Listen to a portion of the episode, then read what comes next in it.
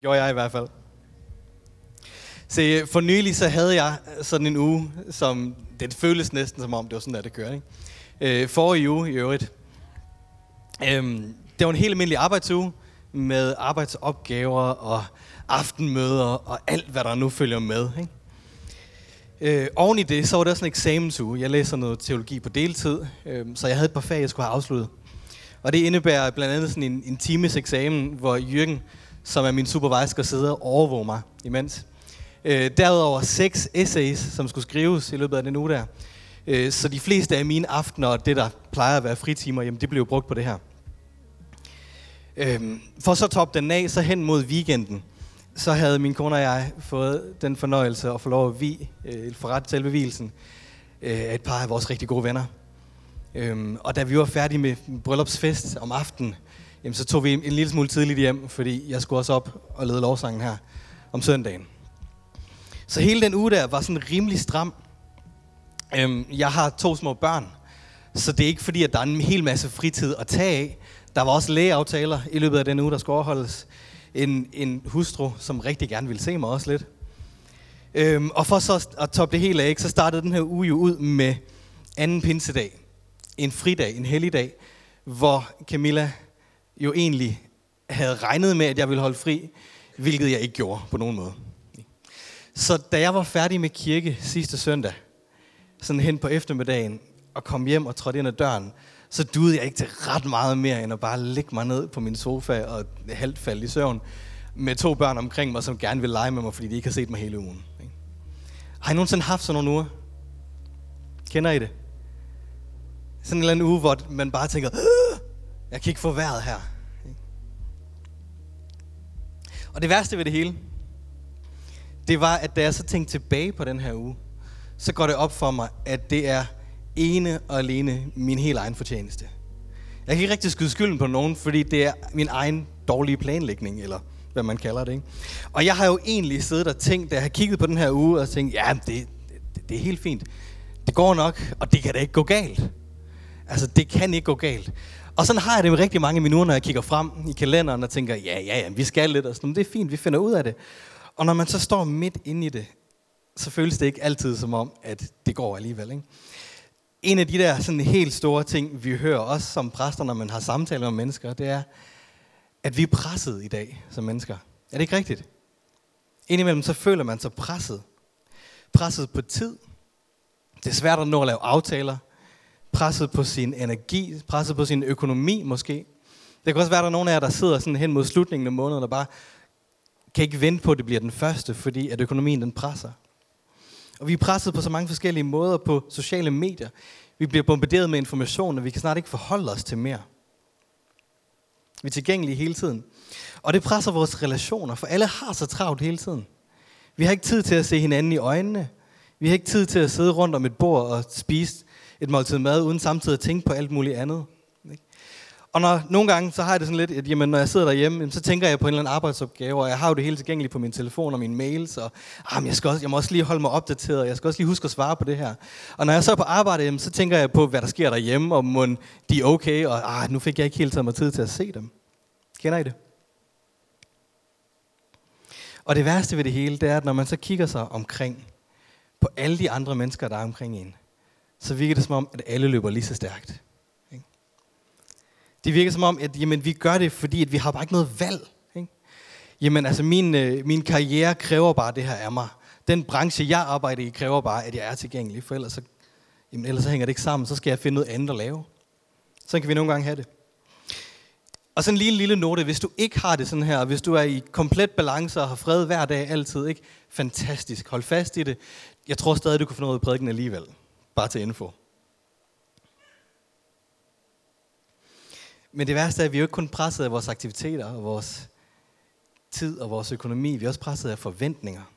Vores egne forventninger til os selv, andres forventninger til os. Og jeg har lyst til at give jer sådan lidt, øh, lidt statistik, bare lige nogle tal. Psykiatrifonden, de lavede sidste år en undersøgelse blandt unge studerende mellem 16 og 24 år, som viste, at 40 procent af dem var ikke tilfreds med deres karakter, deres eksamenskarakter, med mindre det var et 10 eller et 12-tal. 40 procent af dem ikke tilfreds. Og så laver man efterfølgende en undersøgelse, der viser, at hver fjerde unge studerende føler sig stresset og presset. Så er det måske ikke så underligt. Man siger, at omkring 500.000 danskere føler sig udbrændte på arbejdsmarkedet.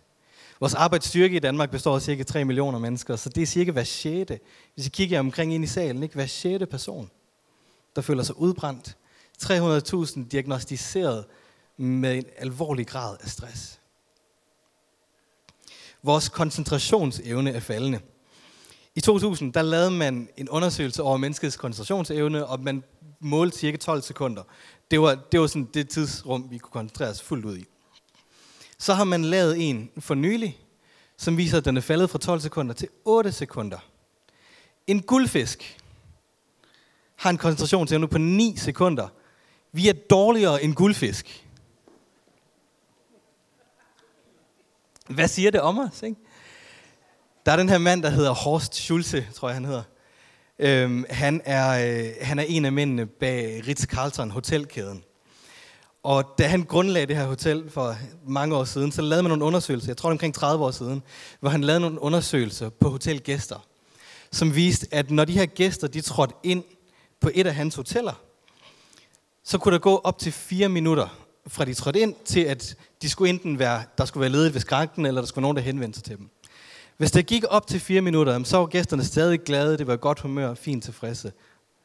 Det går nok alt sammen. Men laver de samme undersøgelser i dag, og i dag der hedder den 20 sekunder. Det er så lang tid, et hotel har til at nå og fagne den her gæst. Og hvis ikke der er en medarbejder ledig, så er man utilfreds, og så er det ikke sikkert, at man kommer tilbage igen. 4 minutter til 20 sekunder. Og vi lever i virkeligheden i et samfund, hvor vi i højere grad isolerer os selv. Ikke?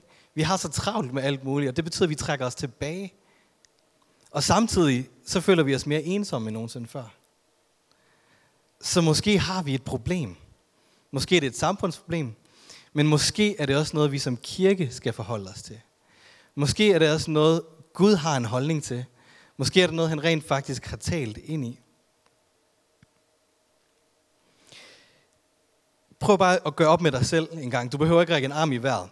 Men jeg læser nogle statements her, og så øh, kan du bare lige med dig selv tænke, har du gjort det her på noget tidspunkt i dit liv? Eller er det måske en vane for dig? Du forsøger at lave en aftale, social aftale, forretningsaftale, et eller andet. Og du står sammen med en person, der skal prøve at finde tid i kalenderen.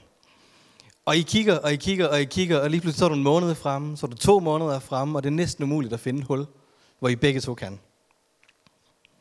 Du er måske lettet, når der er nogen, der ringer og aflyser en aftale, du har haft. Har du prøvet det? Du glemmer aftaler, du har lavet. Og det kan være, at du lidt for ofte lige sender en sms i forvejen og siger, jeg kommer lige fem minutter for sent til det her møde. Jeg er på vej, men jeg er lige fem minutter forsinket. Eller du sender en sms og siger, øh, jeg kommer, men jeg er nødt til lige at gå et kvarter inden, for jeg skal lige noget andet bagefter. Det kan være det i weekend, eller aften måske bare. Og i stedet for at holde fri, når du har fri, så hiver du din telefon frem og kigger, hvad der er tækket ind af arbejdsmails. Du har en tendens til at køre for stærkt i din bil. Ikke fordi du synes, det er sjovt, det er der selvfølgelig mange, der synes, men fordi at du skal skynde dig fra A til B. Du skal nå fra den ene aftale til den anden. Og måske, hvis du prøver, hvis du skulle prøve at gå hjem og sætte dig ned, sidde helt stille. Ingen underholdning, ingenting. Bare sæt dig ned og lukke øjnene i fem minutter, så vil du faktisk rigtig svært ved det. Hvis du kan ikke genkende til bare noget af det her, så er det måske et tegn på, at du er presset og for presset. Og måske kan du genkende lidt af dig selv i et vers fra Jobs bog, som siger,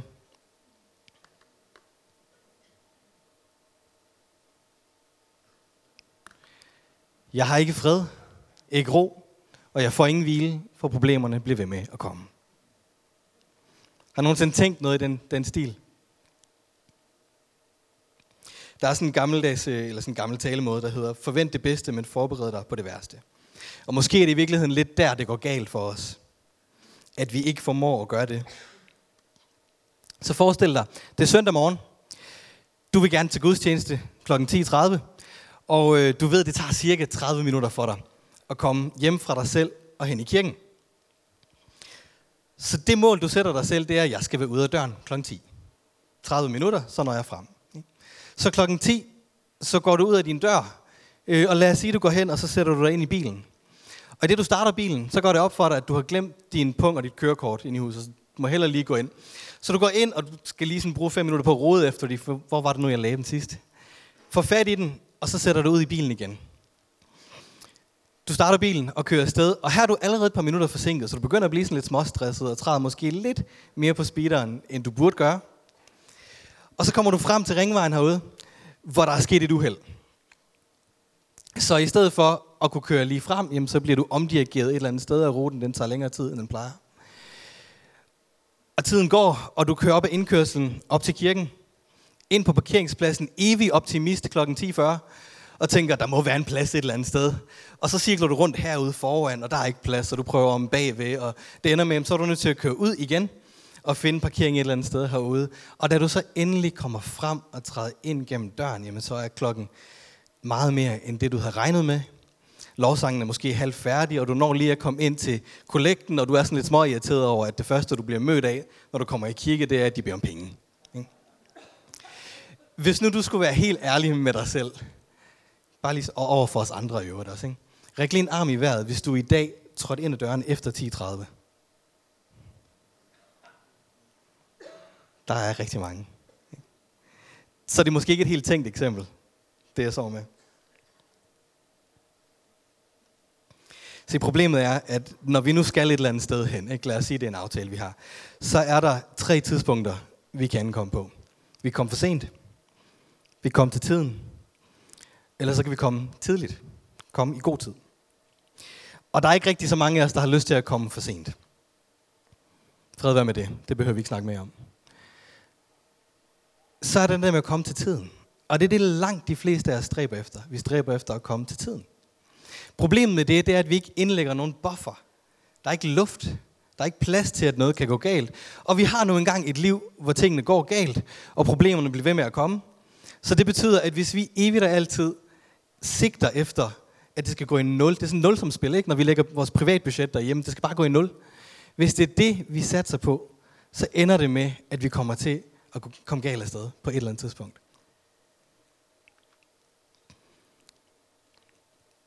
den der sådan stress, man føler, når man er forsinket et eller andet sted. Og nu taler jeg om at komme til, altså ankomme et eller andet sted, men det kunne være hvilket som helst område af dit liv, ikke? hvor der er brug for luft. Men den der stress, man føler, og det der sådan pres, ah, nu kommer jeg for sent, og min chef er efter mig, hvis jeg kommer fem minutter for sent herhen. Ikke? Forestil jer, at det så måske sker tre gange om dagen i løbet af en uge. Alt det stress, man opbygger. Og måske mærker du det ikke efter en eller to gange, og måske mærker du det slet ikke, fordi det kommer snigende. Men kan I forestille jer, hvad det gør ved kroppen? Hvad det gør ved jeres krop, hvad det gør ved jeres psyke. Hele tiden. Og være en lille smule bagud på point, hver gang man kommer frem til noget. Så konsekvenserne at liv på kanten. Vi ved, at det skader vores fysik. Vi ved, at det skader os rent mentalt. Men endnu værre, det skader vores relationer. Både til Gud, til mennesker omkring os, til familie, venner, kolleger.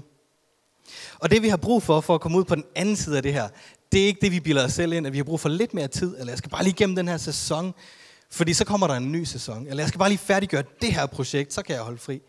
Det vi har brug for, det er luft, det er en buffer. Det er lidt ligesom at køre på motorvejen. Der er et nødspor. Og formålet med nødsporet, det er ikke at trække ud, fordi der er ikke nogen trafik, og så kan jeg bare køre afsted. Ikke? Formålet med nødsporet, det er, at hvis der er noget, der går galt, så er der et sted at trække ud. Og hvis vi bliver lidt i de her motorvejsmetaforer, jo hurtigere du lever dit liv, jo hurtigere tempo du lever dit liv i, jo større buffer har du brug for, ikke? bremselængde, jo større afstand har du brug for.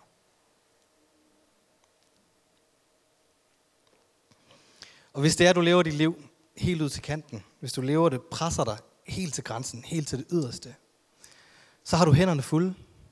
Og det betyder også, at den dag Gud han sender en velsignelse, eller en udfordring, begge dele i øvrigt lige vigtige, så har du heller ikke en hånd fri til at tage imod. Se, hvis jeg render rundt her på scenen, så kan jeg tale til jer uden at være bekymret for, hvor jeg er, for der er en stor scene, der er masser af plads. Jo tættere jeg kommer på kant, jo mere mit fokus ryger herned. Ikke? Jo tættere jeg kommer herned, jo mere mit fokus ryger på ikke at falde ud over. Så det vil sige, jo tættere jeg kommer på grænserne af mit liv, jo tættere jeg kommer på de grænser, jeg har indlagt i mit liv, jo mere fokuseret bliver jeg på der, hvor jeg er, og mister overblikket. Så hvis du presser dit liv til dit yderste, lad os sige, det er et arbejdsprojekt, Hvis du presser dit liv til det yderste omkring dit arbejde, så er det der, dit fokus er. Og du mister overblikket over din relation til Gud, du mister overblikket over dine andre relationer. Alt det, du også skal med dit liv. Jo tættere vi kommer på kanten, jo sværere bliver det. Og vi er nødt til at lære at acceptere vores begrænsninger. Fordi et eller andet sted, så får vi fortalt det her med, at du kan blive hvad som helst, og du kan alt, og bare hvis du kan drømme det, kan du gøre det. Ikke? Det passer ikke, den løgn. Du kan det, Gud har skabt dig til. Og det er det, du skal finde ud af. Hvad er det, Gud har skabt mig til? Du kan ikke alt. Du kan ikke flyve, for eksempel. Ikke? Vi kan ikke alt, hvad vi kan drømme os til. Men vi kan det, Gud har skabt os til. Og vi er nødt til også at acceptere, at det er Gud, der har lagt de begrænsninger på os. Han har givet os en begrænset mængde energi, tid, ressourcer. Og det, vi nogle gange ikke ser, det er, at i vores jagt på produktivitet, vores jagt på fremskridt, i vores jagt på udvikling og alle de her forskellige mål, vi har sat os, det er prisen, vi betaler for det. Det, vi giver afkald på, det er vores fred. Og hvis der er noget, Gud ønsker for os, så er det fred.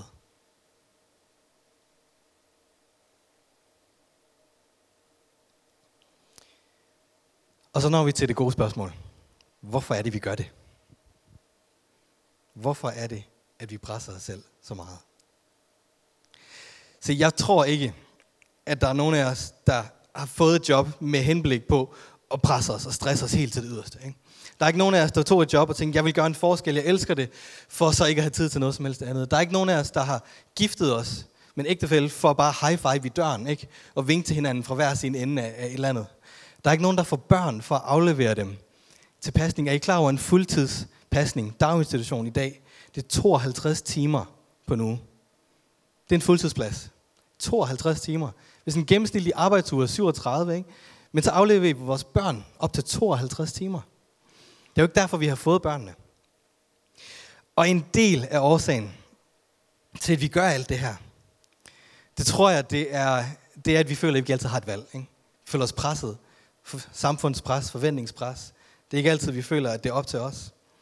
En del af det er måske, at det er en sæson af vores liv. At der er en presset sæson i livet. Og hvis du er helt ærlig med dig selv, så er der måske også en del af det, som er bare manglende selvdisciplin. Men jeg tror, der ligger noget meget dybere til grund for alle de her ting. En meget dybere årsag til, at vi presser os selv. Og det er frygt.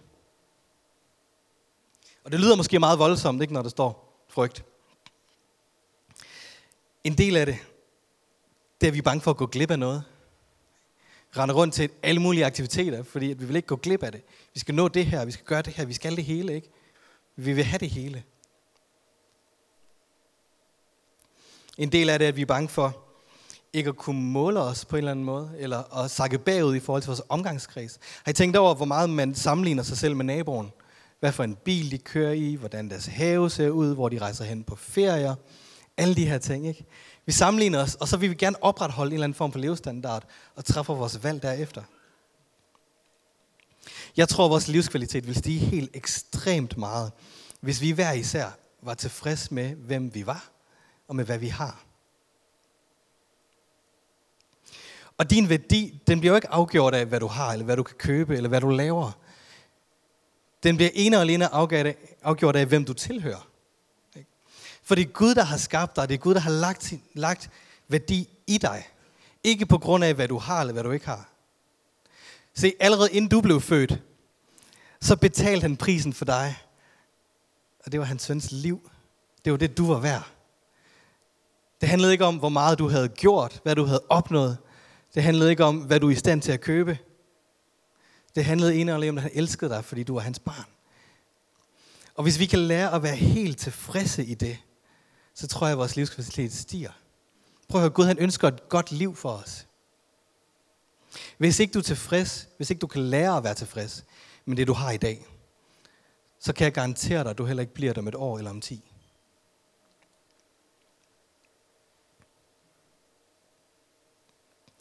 Og så er der en af de helt store, noget af det, vi måske er bange for. Noget af det, der blandt andet fylder noget hos mig selv. Bange for at leve et liv uden mening. Bange for at kigge tilbage på hele mit liv, når jeg engang når afslutningen af det, og så se, at jeg ikke rigtig fik sat et aftryk. Fik ikke gjort en forskel. Fik ikke udrettet noget. Gud, hvad kaldte du mig til? Jeg skulle vel et eller andet. Kig tilbage og så tænke, Hvad blev det til? Vi vil gerne se forandring, vi vil gerne se udvikling, vi vil gerne se, at vi opnår nogle mål. Og det, der så sker, det er, at vi nogle gange sætter et lighedstegn mellem vores aktiviteter, mellem det at have travlt, og det at have mening. Vi får nogle gange sat så mange ting i søen, og gang i så meget, at vi kommer til at tolke det som om, at vi rent faktisk rykker os. Og vi tolker det som mening i vores liv. Så vores frygt for at leve et liv uden betydning, kan i sidste ende være det, der afholder os fra at leve et liv, der har betydning.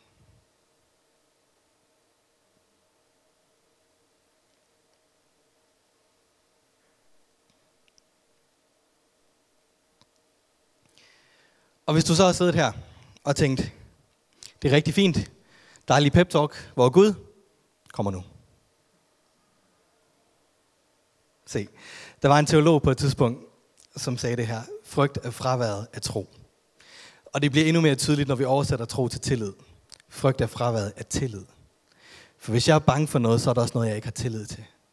Hvis jeg er bange for, at jeg ikke kan opnå det med mit liv, som jeg gerne vil, så har jeg måske heller ikke tillid til, at Gud han arbejder igennem mig. Hvad er det, jeg ikke har tillid til? Hvis vi har fuld tillid til Gud, så er der ikke plads til frygt. På et tidspunkt i historien, i Israels historie gennem det gamle testamente, så er israelitterne de slaver. Og som slavestat, det er alt, hvad de kender til. Alle de her mennesker, de, jamen, de har aldrig kendt andet på et tidspunkt. De har gennem flere hundrede år. De er slaver. Og de ved ikke, hvad det vil sige at holde fri. Fordi hvis de sænker farten, hvis de holder fri, hvis de holder pause, så bliver de straffet. Det kan være, det er piskeslag, det kan være, de bliver slået ihjel i værste tilfælde. Ikke? Det at holde fri, det eksisterer ikke. Hvis jeg vil leve, hvis jeg vil have noget at spise i morgen, så arbejder jeg. At holde fri, det, det begreb eksisterer simpelthen ikke. Og Gud, han øh, redder dem ud af slaveri, og de render rundt i ørkenen i, i et stykke tid på vej mod det land, han har lovet dem. Og igen, de har aldrig kendt overenskomster, de har aldrig kendt ferielov, de har aldrig kendt menneskerettigheder. De ved simpelthen ikke, hvad det er. Og det betyder, at Gud han er i gang med at grundlægge en nation. Han er ved at hive dem ud fra deres slavementalitet. Og så skal han gøre dem til et land, til sit folk igen. Og hvad er det, man gør, når man grundlægger en nation? Man skriver blandt andet nogle love. Man sætter nogle rammer og nogle retningslinjer for, hvordan er det, vi som nation vil leve. Og Gud han giver dem 613, tror jeg det er, eller deromkring. Øh, hvis I synes, det er meget, så bare gå ind og lave en hurtig Google-søgning på, hvor mange lov vi har i Danmark. Ikke? Så er det her vand sammenlignet med. Men han giver dem omkring 613 forskellige love, som sætter nogle rammer for, hvordan er det, I skal leve jeres liv. Ikke for Guds skyld, men for deres egen. Og blandt dem de 10 bud, top 10 af alle de her love. Og her har vi så på niveau med, jeg er Herren din Gud, og du må ikke have andre guder end mig. Og på niveau med, du må ikke slå ihjel. Tænk over det her. På niveau med de her love, så er der den her. Hold fri en dag om ugen. Hvem vil ikke elske en Gud, der siger, hold fri, slap dog af, tag det roligt. Er det ikke fantastisk?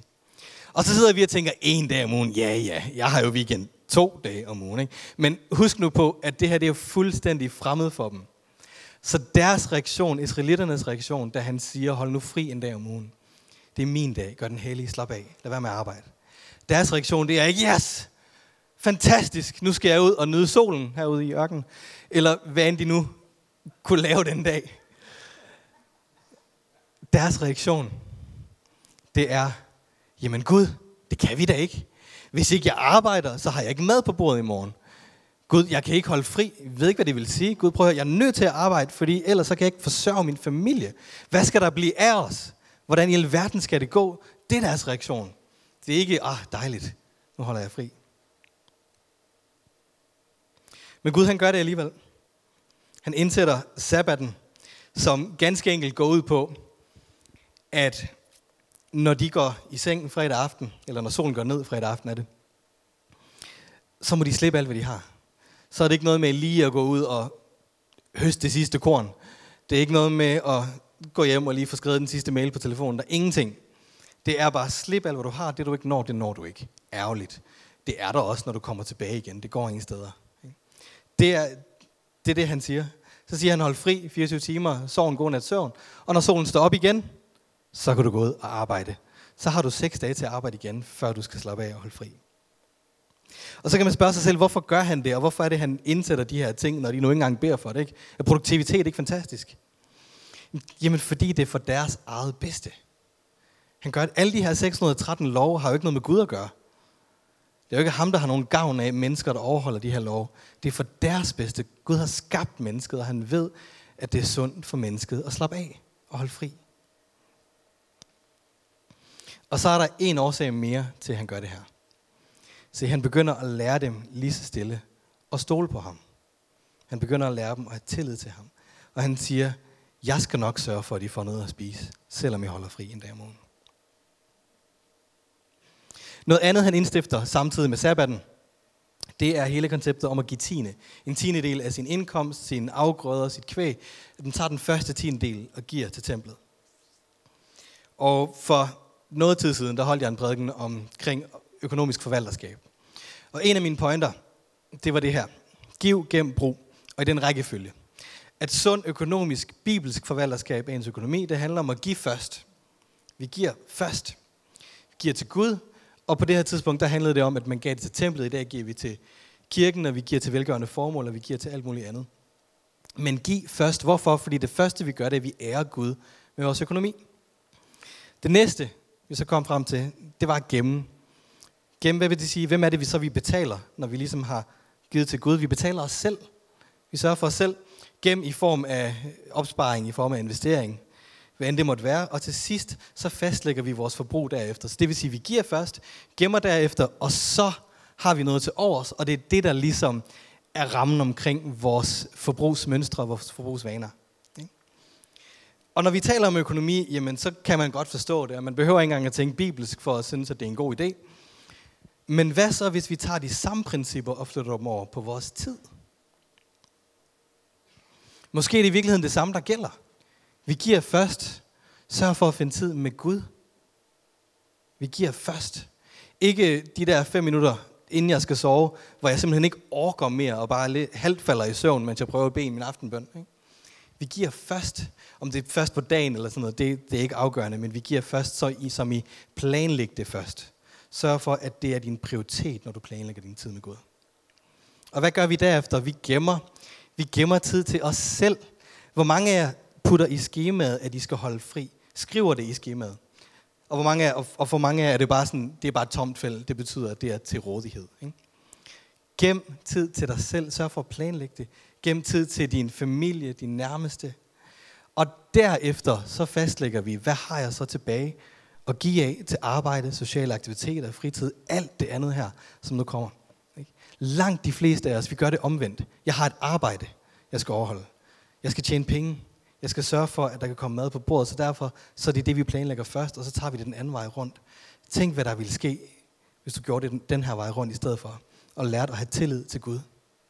Igen, Gud han indstiftede ikke tiende, fordi han havde brug for deres penge. Hvad skulle han bruge dem til?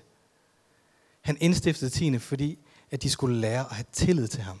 At selv ved at give det første og det bedste af det, de havde, så ville han sørge for dem. Og den sidste ting, jeg har lyst til at nævne, som Gud også indstifter på det her tidspunkt, det er et princip omkring det at høste, eller det at arbejde.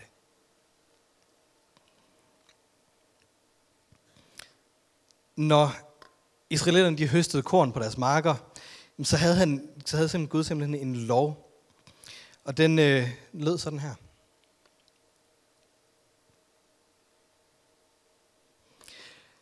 Når I høster jeres marker, så skal I lade noget af kornet langs kanten stå, og de få aks, som høstfolkene overser, skal I lade ligge på marken. Det samme gælder vinhøsten. Du må ikke rippe vinstokkene for de sidste druer. Og du må ikke samle de druer op, som falder på jorden under arbejdet.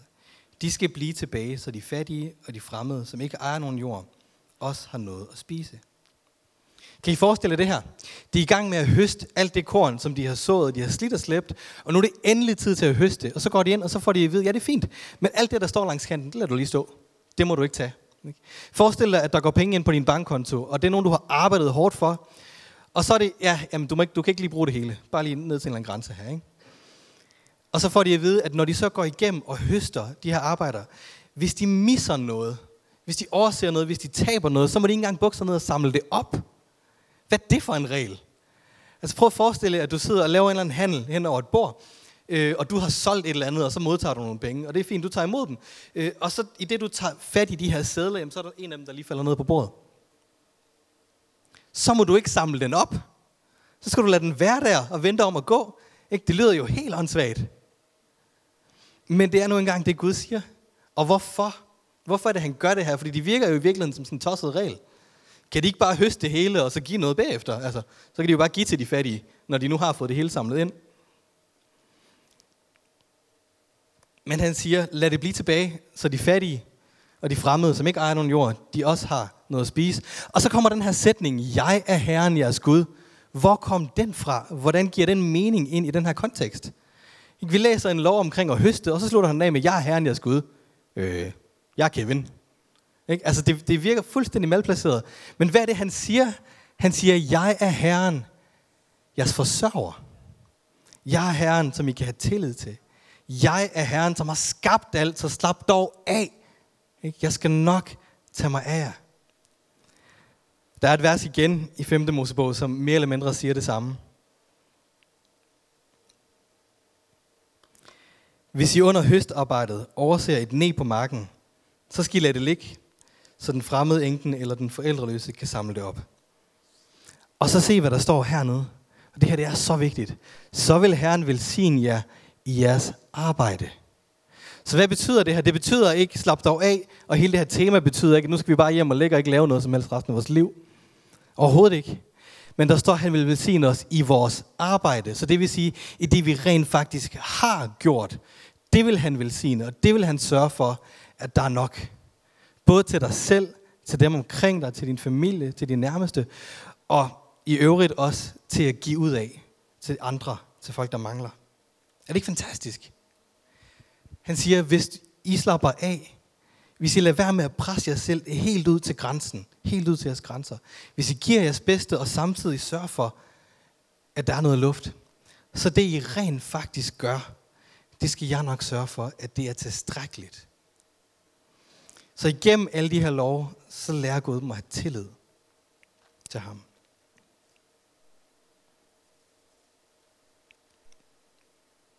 Prøv at tænke, hvis vi kunne tage det til os. Hvis du bare skulle tænke for dig selv et øjeblik, er der et område af dit liv, hvor du er presset? Er der et område af dit liv, hvor du er presset? Og så tænk, hvorfor er det, at du presser dig selv? Hvorfor er det, at du ikke aktivt gør noget ved det? Hvorfor er det, du ikke hviler? Hvorfor er det, at du ikke slapper af? Og hvad er det, du er bange for, at du går glip af, eller du ikke opnår?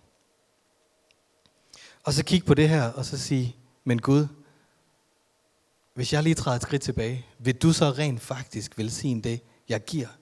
Vil du så rent faktisk velsigne det, jeg gør? Så jeg kan have et overskud, så jeg rent faktisk kan nyde alle de aktiviteter, jeg render rundt og laver, i stedet for at jeg laver så meget, at jeg ikke engang længere er glad for det. Så det er ikke tilfældigt, at hele det her slap af tema, det ligger lige op til sommerferien. Ikke? Det er jo fordi, så får I en blød opstart, når vi nu begynder at prøve at implementere det ind i vores liv. Så hen over ferien, så for din egen skyld, så tag og sæt dig ned på et tidspunkt og evaluere dit liv, og så sige, nyder jeg? Finder jeg glæde i det, jeg gør? Er det rent faktisk, eller har jeg simpelthen bare presset for meget ned over mig, til at jeg ikke længere kan nyde det liv, Gud har givet mig? Sæt dig ned og find ud af, er der noget, jeg skal skrue op for? Det kunne være tid med Gud, for eksempel. Og samtidig, hvad er det, jeg skal pille ud af mit liv? Hvad er det for nogle aktiviteter, jeg skal blive bedre til at sige nej til? Og så sæt dig ned, læg det over til Gud, og så sige, Gud, jeg stoler på, at i det, jeg giver, så sørger du for, at det er nok. Både til mig selv, til min familie, min nærmeste, og til at jeg har i overflod til at velsigne andre. Lad os bede sammen. Tak Gud, fordi at du igen og igen taler til os, du opmuntrer os, du inspirerer os, fordi at du igennem dit ord giver os visdom, far. Og tak fordi, at du ikke har skabt os til at arbejde os selv helt ihjel, til at leve på kanten, til at leve helt ud til grænsen, uden at kunne trække vejret, far, men du har skabt os til et liv i dit fællesskab, far, hvor vi først og fremmest lægger alt over til dig. Hvor vi først og fremmest stoler på dig, far. Hjælp os til at stole på dig. Hjælp os til at stole på dit ord. Hjælp os til at stole på, at når vi giver det, vi kan, uden at presse os ud over kanten, far, at du så tager det, vi har, og gør det til mere end rigeligt. Tak, far, fordi vi som kristne må være et fællesskab af mennesker, som har overskud, far. Som har økonomisk overskud, som har relationelt overskud, som har overskud i vores kalender. Overskud til at tage imod din velsignelse, overskud til at give til andre. Far, overskud til, at når du banker på døren, at vi så kan svare. Tak, far, fordi du velsigner den her kirke, den her forsamling, og alle de her mennesker, som måske er på grænsen, lige på kanten af et liv, hvor det er alt for meget, hvor de ikke kan mere, far. Tak fordi du velsigner os. Og fordi vi hen over sommerferien må få lov at opleve fred igen. Vi hen over sommerferien, sommerferien må få lov at opleve, at produktivitet, fremskridt og udvikling ikke behøver at ske på bekostning af fred, men at det kan ske i samarbejde med dig. I Jesu navn beder vi. Amen.